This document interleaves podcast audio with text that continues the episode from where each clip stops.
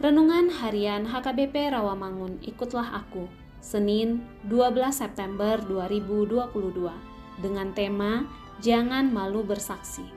Bacaan kita pada pagi hari ini diambil dari Lukas pasal 4 ayat 38 sampai dengan ayat 44 dan bacaan kita pada malam hari ini diambil dari 1 Raja-Raja pasal 21 ayat 1 sampai dengan ayat 29 dan kebenaran firman Tuhan untuk kita hari ini diambil dari 2 Timotius pasal 1 ayat 9 demikian firman Tuhan Dialah yang menyelamatkan kita dan memanggil kita dengan panggilan kudus bukan berdasarkan perbuatan kita melainkan berdasarkan maksud dan kasih karunia-Nya sendiri yang telah dikaruniakan kepada kita dalam Kristus Yesus sebelum permulaan zaman.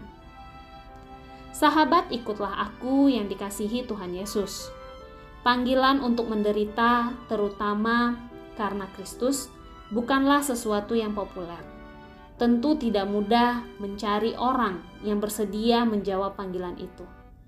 Terlebih di tengah zaman yang semakin menuntut orang untuk meraih kesuksesan, dan di tengah ajaran yang menjadikan kesuksesan sebagai tanda diberkati Tuhan. Namun demikian, seorang pelayan Tuhan harus berani melawan arus zaman dan menjawab panggilan Allah ini. Karena itulah Paulus mendorong Timotius untuk ambil bagian dalam penderitaan karena pemberitaan Injil Kristus. Di dalam masa penganiayaan terhadap orang Kristus pada saat itu, Mungkin saja Timotius takut untuk mengabarkan berita sukacita tentang Kristus. Ketakutan Timotius didasarkan pada fakta bahwa orang-orang percaya pada masa itu ditangkap dan dianiaya. Yang perlu Timotius lakukan adalah mengorbankan atau memanfaatkan secara maksimal segala karunia yang telah diberikan Allah. Bila demikian, maka tidak ada alasan untuk tidak memberitakan Injil. Tentu, hal ini tidak mudah kita lakukan di tengah masyarakat tempat kita tinggal. Bukan tidak mungkin kita akan menghadapi tantangan atau perlawanan. Namun, Paulus berkata bahwa Allah akan memberikan kekuatan sehingga kita siap menderita bila saatnya tiba.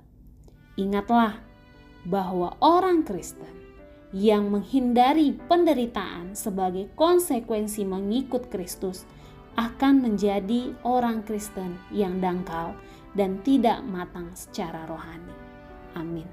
Marilah kita berdoa karena kasih, karunia, dan penyelamatan yang Engkau berikan kepada kami menjadikan kami terpanggil bersaksi melalui perbuatan kami. Amin.